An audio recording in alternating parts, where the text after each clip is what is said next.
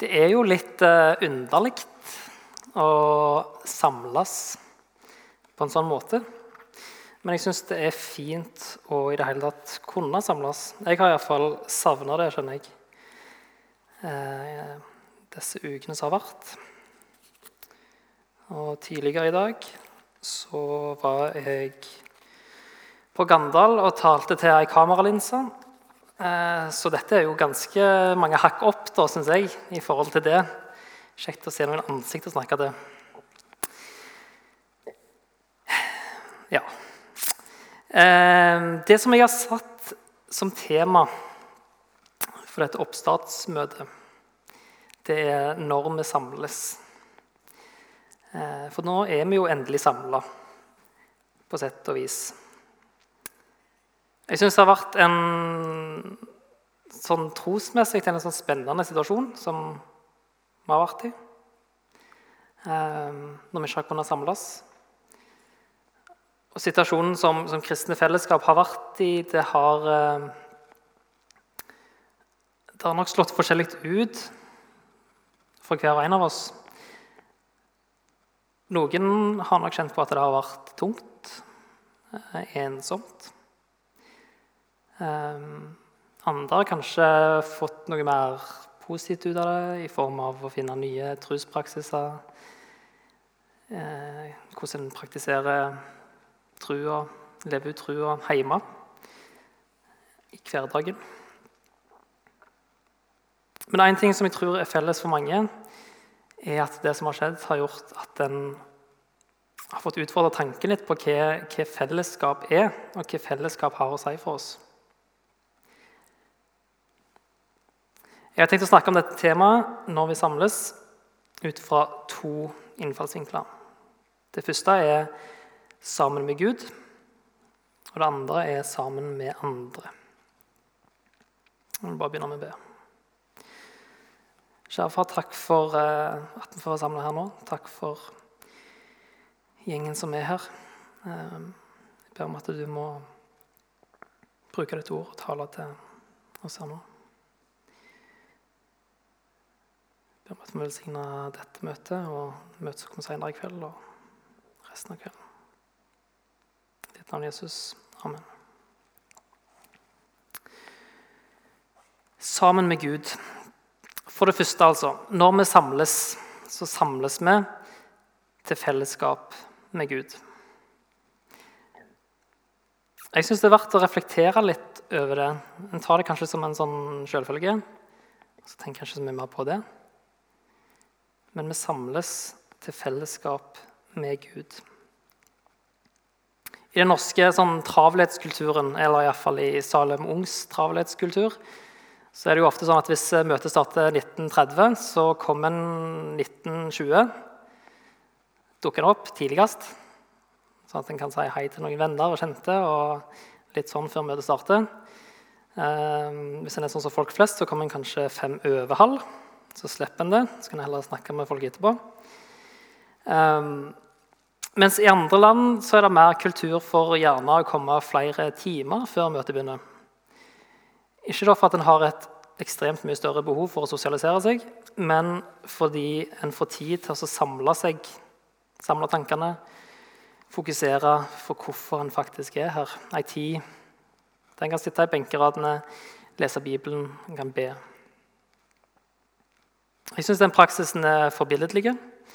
Jeg gjør det jo ikke sjøl, men det er noe fint med det. Og jeg tror det gjør noe med de som praktiserer det, for hvordan de ser på fellesskapet som helhet. Det blir veldig tydelig, dette med å, at en samles for å være sammen med Gud. Ta Moses, f.eks. Når Moses står framfor den brennende busken så får han beskjed om å ta av seg på føttene, for stedet han står på, er hellig grunn. Det er en hellig Gud vi trer framfor når vi samles, sånn som vi gjør her i dag. Er vi bevisst dette når vi kommer inn her? Preger det oss? Gir det oss noen forventninger? Jeg har lyst lese et par vers fra Forkynneren, kapittel 5, vers 1-6. Vær ikke for snar med munnen, og la ikke hjertet forhaste seg når du vil tale et ord for Guds ansikt. For Gud er i himmelen, og du på jorda. La derfor dine ord være få. Med travelhet følger tankespinn, med dårers tale for mange ord. Når du gir Gud et løfte, så drøy ikke med å oppfylle det. For han har ingen glede i dårer. Hold det du har lovet han. Det er bedre at du ikke gir han noe løfte, enn å love og ikke holde det. La ikke munnen få deg til å synde, og si ikke til Guds sendebud, 'Jeg gjorde det av vannvare'. Hvorfor vil du gjøre Gud harm med dine ord, så han ødelegger det du har gjort? Midt i alle drømmer, all tomhet, alle ord, ha ærefrykt for Gud. Ha ærefrykt for Gud. Vær ikke for snar med munnen, og la ikke hjertet forhaste seg når du vil tale et ord for Guds ansikt. Det er ganske tankevekkende ord. Så kan vi samtidig lese fra 2. krønikebok, kapittel 7, vers 1-4. En tekst som forteller om innvielsen av eh, det tempelet som Salomo bygde. Der står det Da Salomo var ferdig med å be, for det ild ned fra himmelen. Den fortærte brennofferet og slaktofrene, og Herrens herlighet fylte huset. Prestene kunne ikke gå inn i Herrens hus, for Herrens hus var fylt av Herrens herlighet. Da alle israelittene så ilden og Herrens herlighet komme ned over huset, falt de på kne på steinhellene med ansiktet mot jorda og tilba og lova Herren. For Han er god, evig varer Hans miskunn. Så ofra kongen og hele folket slaktoffer til Herren. Det offeret kong Salomo bar fram, var 22 000 okser og 120 000 sauer. Det er jo litt. Slik vigsla kongen og hele folket Guds hus. Prestene sto klar til tjeneste, levittene sto med Herrens musikkinstrument i hendene, de som kong David hadde lagd for å lovprise Herren med ordene 'Evig varer hans miskunn'. Med de lovpriste David Herren. Midt imot levittene blåste prestene i trompeter mens alle israelittene sto. Tenk å ha vært der med den innvielsen der, for å oppleve det. Ild fra himmelen som kommer ned og fortærer offeret.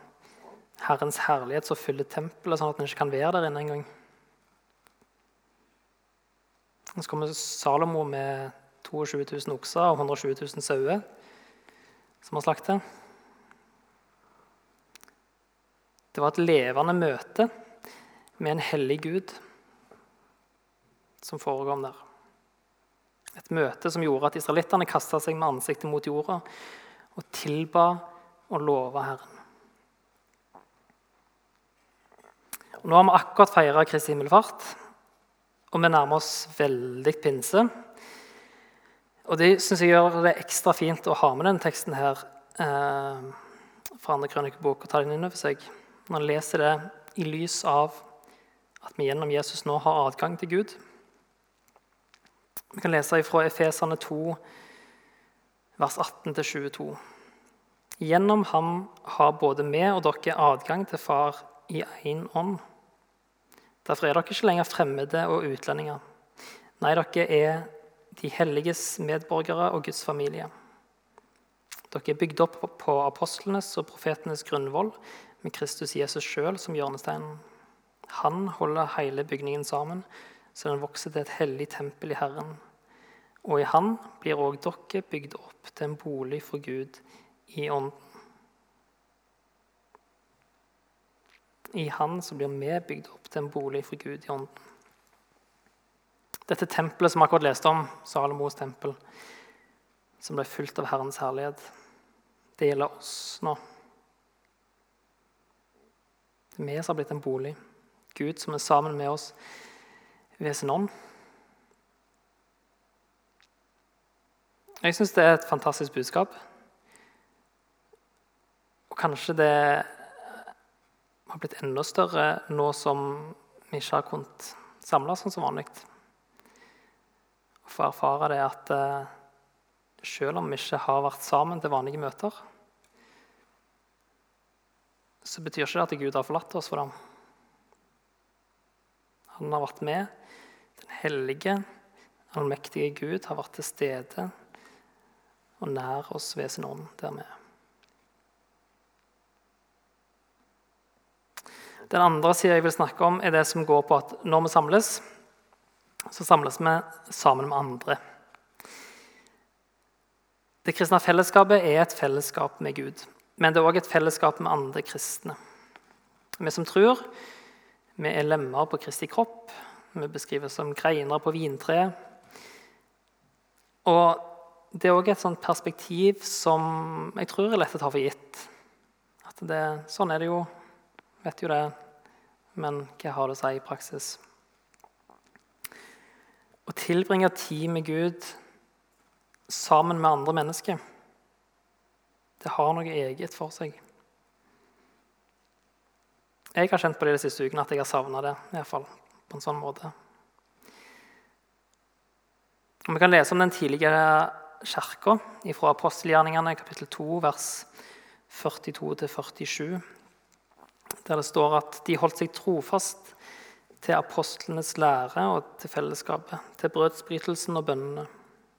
Hver og en ble grepet av ærefrykt, og mange under og tegn ble gjort av apostlene. Alle de troende holdt sammen og hadde alt felles. De solgte eiendommene sine og det de ellers eide, og delte ut til alle etter som hver enkelt trengte det. Hver dag holdt de trofast sammen på tempelplassen, og hjemmene brøt de brød og spiste sammen med oppriktig og hjertelig glede. De sang og lovpriste Gud og var godt likt av hele folket. Og hver dag la Herren til nye som lot seg frelse.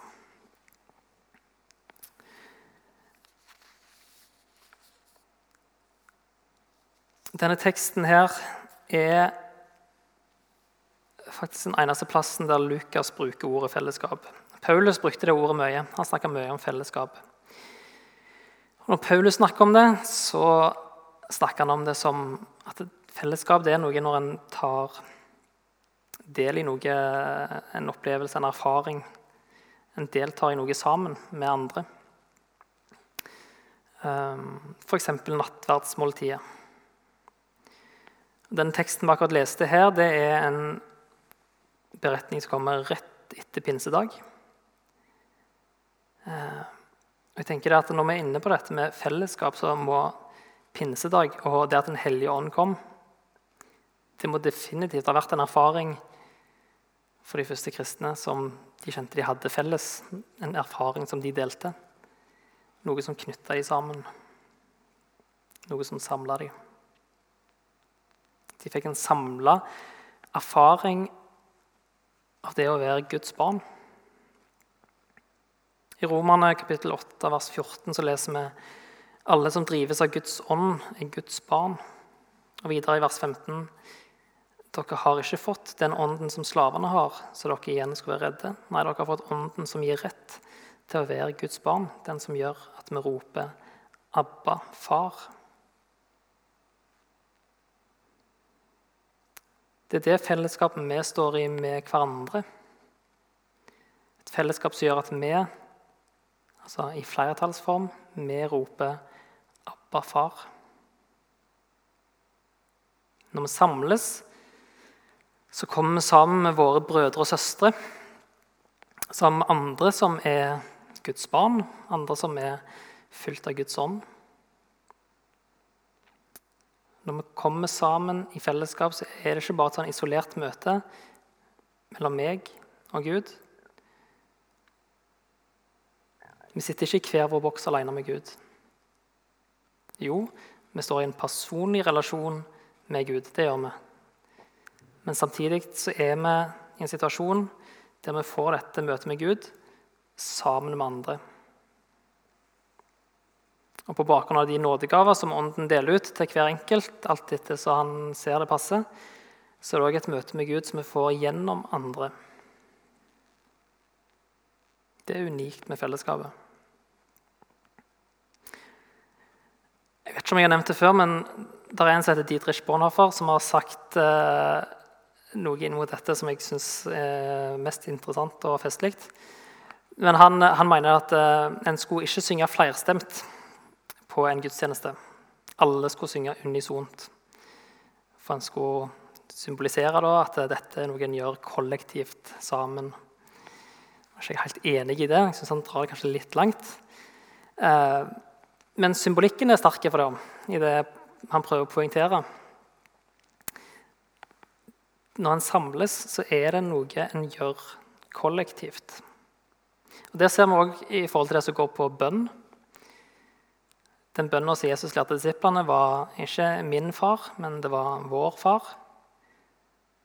Gi oss i dag vårt daglige brød. Det var en fellesskapsbønn. Dette kollektivet er noe som jeg tror ikke nødvendigvis alltid kommer naturlig at vi liker men kanskje noe vi må lære oss å verdsette. Og det kollektive med fellesskapet kan være utfordrende òg. For vi er alle mennesker, og vi har alle meninger som gjør at ting kan bli krevende. og ting kan bli vanskelig på et mellommenneskelig plan. Eller kanskje alt går helt topp for deg. Men uh, noen kjenner kanskje på ikke akkurat i disse tider, men eh, at uh, noen kan være litt innpåslitne på kirkekaffen. Når vi verken kjerkekaffe eller mulighet for å være innpåsliten. Ikke kan vi klemme heller. Men det kan være et typisk scenario. Kanskje syns du lovsangsteamet i dag kunne valgt andre sanger. Det var ingen kritikk. Jeg syns det det er helt fint. Kanskje de kunne latt være å løfte hendene. Kanskje de skulle løfte hendene mer. Um, kanskje jeg skulle hatt litt flere personlige anekdoter, sånn at det ikke ble så tørt. Kanskje møtelederen skulle vært mer eller mindre energisk. Kanskje ble litt lite liturgi. Vi har alle ulike innfallsvinkler når en kommer på en sånn samling når vi samles. Vi har ulike preferanser vi har ulike behov. Vi har mange ting som vi kan kjenne en lengsel etter i vårt trosliv. Og som en håper å få finne igjen da, når en kommer og samles. Noe som en håper, en lengsel som en håper en kan få stilt i menighetslivet. Og I det store og hele så skal fellesskapet være en hjelp til å få møter med Gud som møter disse lengslene. Men det er ikke sikkert det er alltid sånn som vi hadde trodd det skulle være for dem. Samtidig så kommer en ikke til fellesskapet bare med sin egen ønskeliste over behov som skal dekkes. En kommer til fellesskapet som en del av et fellesskap der det er andre. Andre som har behov som skal dekkes. Og Forhåpentligvis så får en være en del av en gjeng som får dekka disse behovene, iallfall over tid. Selv om kanskje ikke hvert eneste møte er helt innertier hver gang. Selv har jeg iallfall erfart at eh, en, jo mer jeg har blitt bevisst på at det er to sider på dette, at ja, det er et personlig møte mellom meg og Gud. Samtidig det er et kollektivt møte med Gud. Jo mer jeg blitt bevisst på det, jo oftere, eller jo tettere kan si, har disse innertiderne kommet. da. Det gjør noe med hvordan en tenker når en kommer samla. Derfor å synge en sang, kanskje en sang som en bekjennelse, som et fellesskap, det er noe helt spesielt, syns jeg det for å synge en bønnesang og vite at selv om Den beskrev egentlig ikke akkurat sånn som jeg følte det i dag. akkurat det jeg trengte å be om. Men når jeg da vet at kanskje det var akkurat den bønna som noen andre i fellesskapet trengte hjelp å sette ord på, så gjør det noe med når en får synge den bønna sammen. Det å få bekjenne trua ikke bare i en lukka boks mellom meg og Gud, men sammen med andre. det er noe helt spesielt. Det å få be felles bønner, enten det er vår far, eller om det er en fast bønn som vi bruker Det er ting som skifter perspektivet. Og kanskje har vi lært litt av det kollektive som vi ikke har hatt de siste ukene. At en har lært å like det litt mer, eller har lært å savne det litt mer. Eller kanskje en får erfare det nå som en starter opp igjen, at det, det var egentlig noe fint med det. Og Når vi tar med dette kollektive aspektet ved fellesskapet, så gir det òg mer rom for at vi kan tjene hverandre. Og det gir mer rom for å kunne tjene andre. Og Det er det siste jeg vil innom. For nå har vi vært innom fellesskapet som å være sammen med Gud. Vi har vært innom fellesskapet som å være sammen med andre. Men som fellesskap så er vi også kalt til å gå sammen til de som ikke har hørt. For når vi samles, så kommer vi sammen og får vokse i trua. Vi blir utrusta til å gå videre med evangeliet. Og Jesus ga oss en befaling om å gå og gjøre disipler. Det er en personlig befaling. Utfordrer oss personlig, men det er òg en kollektiv greie som går til oss alle. En befaling som har to ulike responser. En kan gå, eller en kan sende, eller en kan gjøre begge deler. Jeg syns alltid det har vært fascinerende det som jeg leser i Filipperne 4, vers 14. Eh, ofte siterer han jo Filippane 4, 13. Det er nok mer kjent. Men eh, vi skal lese de to versene sammen. I vers 13 så står det Alt makter jeg i Han som gjør meg sterk. Så fortsetter Paulus. Likevel gjorde det meg godt at dere sto sammen med meg når jeg var i nød. Og Sånn tenker jeg at det er det er en sånn fin påminner for meg. Sånn er det for de som vi får lov til å være med og sende. Vi tror at de blir utrusta til den oppgaven de har sagt ja til når de har reist med evangeliet. Samtidig så gjør det godt for dem at vi står sammen med dem. Både i form av gaver, men òg i form av forbønn. Sånn får vi lov til å være med og sende. Og så er vi kalt til å gå. For det er sant, sånn som vi leser i Romerne 10, at hver den som påkaller Herrens navn, skal bli frelst. Men hvordan kan de påkalle en de ikke tror på? Hvordan kan de tro på en de ikke har hørt om? Og hvordan kan de høre uten at noen forkynner? Hvordan kan de forkynne hvis de ikke er utsendt? Når vi samles, får vi være sammen med Gud. Vi får være sammen med andre. Og vi blir utrusta til å gå sammen til de som ikke har hørt.